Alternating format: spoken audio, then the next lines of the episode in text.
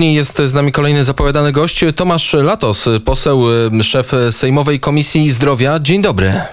Dzień dobry, witam serdecznie. Na pewno pan śledził dzisiejszą konferencję ministra Michała Dworczyka na temat wczorajszych wydarzeń i na temat tych problemów z zapisem na szczepienia. No, może nie tyle śledziłem, ile sprawdziłem, co było na tej konferencji prasowej, także wiem, o czym mówi pan minister. Pan minister mówił o tym, że był błąd informatyczny, bo 40 osoby powyżej 400 lat do 59 lat mogły się rejestrować w tych terminach, które miały być zarezerwowane najbliższych kwietniowych dla osób starszych powyżej 60 roku życia. Dlaczego dochodzi w ogóle do takich błędów? Ja myślę, że przy tak ogromnym przedsięwzięciu, y, gdzie chodzi przecież o miliony zapisów, no to może niestety czasem dojść do jakiegoś błędu czy informatycznego, czy ludzkiego. Ważne, żeby w takiej sytuacji od razu wszystko wyjaśnić, powiedzieć uczciwie i szczerze, jaka, jak wygląda sytuacja.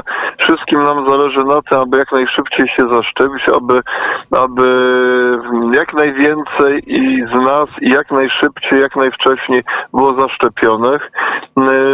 Miejmy nadzieję, że wszystkie te osoby, które teraz zgłaszają chęć szczepień, bardzo krótkim czasie dzięki większej ilości szczepionek w drugim kwartale będą mogły być zaszczepione. Bardzo na to liczę.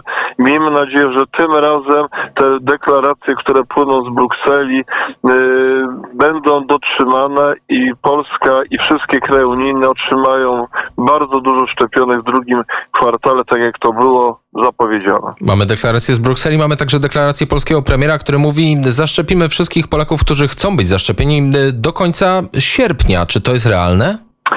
Jeżeli będą szczepionki, to możemy e, się błyskawicznie zaszczepić. Uważam, że kilkaset tysięcy dziennie możemy szczepić, e, więc e, na dobrą sprawę moglibyśmy te szczepienia Polaków zakończyć jeszcze wcześniej, nawet znacznie wcześniej.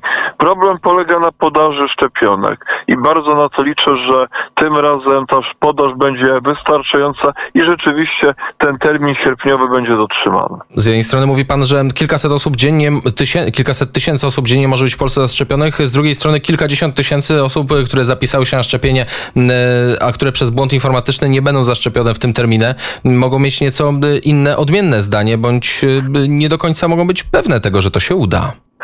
Skoro dlatego, takie błędy się pojawiają. Ta, dlatego tak ważne było i tak dobrze, że pan minister od razu sprawę wyjaśnił.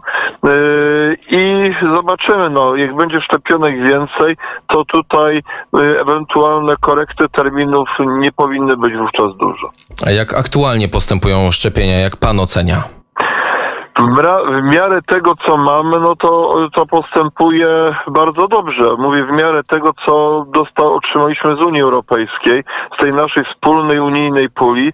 Proszę zwrócić uwagę, że należymy do absolutnych liderów e, szczepień w Unii Europejskiej, co pokazuje, że nasz system e, w tym sensie działa sprawnie, za co wielkie podziękowania e, po pierwsze dla personelu medycznego, który to wykonuje, ale także dla przedstawicieli przedstawicieli rządu i samorządu, którzy to zorganizowali. To, co pan powiedział, to prawda, ale niestety należymy też do niechlubnych liderów e, grona e, największych e, krajów z największym problemem, jeżeli chodzi o liczbę zakażeń oraz o liczbę śmierci dziennie. To jest około 500-600 osób dziennie umiera na COVID-19. To jest wielki dramat. Nie wiem, y, dlaczego tak się ułożyło. Czy to jest kwestia być może innej fazy y, pandemii, w której jesteśmy. Przypominam, że już na wiosnę w niektórych krajach, chociażby we Włoszech czy w Hiszpanii, ta śmiertelność była bardzo duża i było bardzo dużo zakażeń. Być może to czas przesunął się na inne kraje, w tym na Polskę.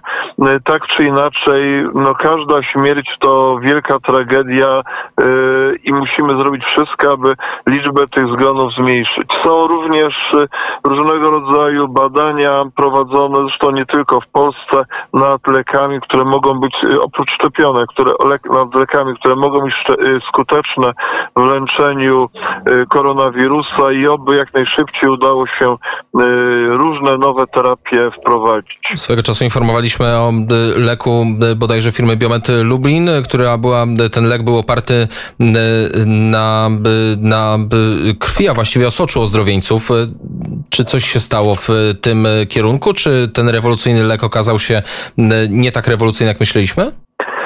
Tego co wiem, to jest to nadal w sferze jeszcze sprawdzania i badań. Ja bym chciał i bardzo mi na tym zależało, żeby to wszystko było postępowało jak najszybciej. Jestem wielkim zwolennikiem y, wsparcia y, tego pomysłu, tego wynalazku.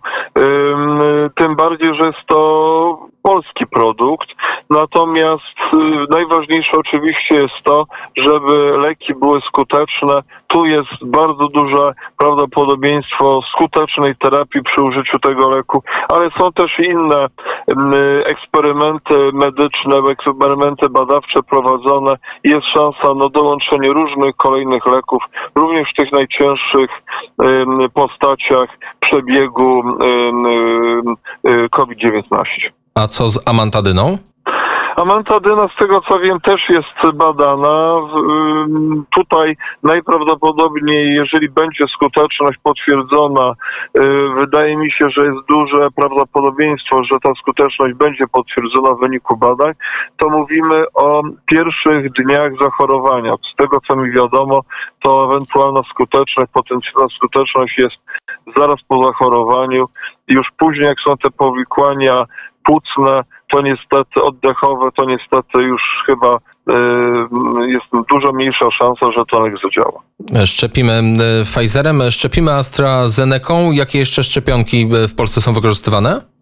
Moderna, Johnson Johnson, dochodzą kolejne szczepionki i tutaj ważne, abyśmy korzystali z każdej możliwości szczepienia, bo one wszystkie są dobre, wszystkie są bezpieczne. A AstraZeneca na Wyspach Brytyjskich 20 przypadków y, zakrzepicy y, oficjalnie podanych. Bywały przypadki również w innych y, krajach skandynawskich, a w Polsce?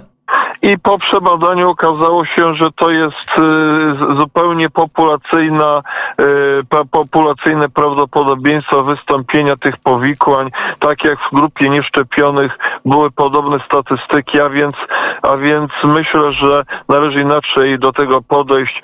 Y, Nie wiemy, czy, co do, która szczepionka jest bardziej skuteczna, która mniej. Nie zdziwię się również, jeżeli za rok okaże się, że to właśnie AstraZeneca jest tą najbardziej skuteczną. Szczepmy się tym, co jest dostępne, bo naprawdę szczepionki są bezpieczne.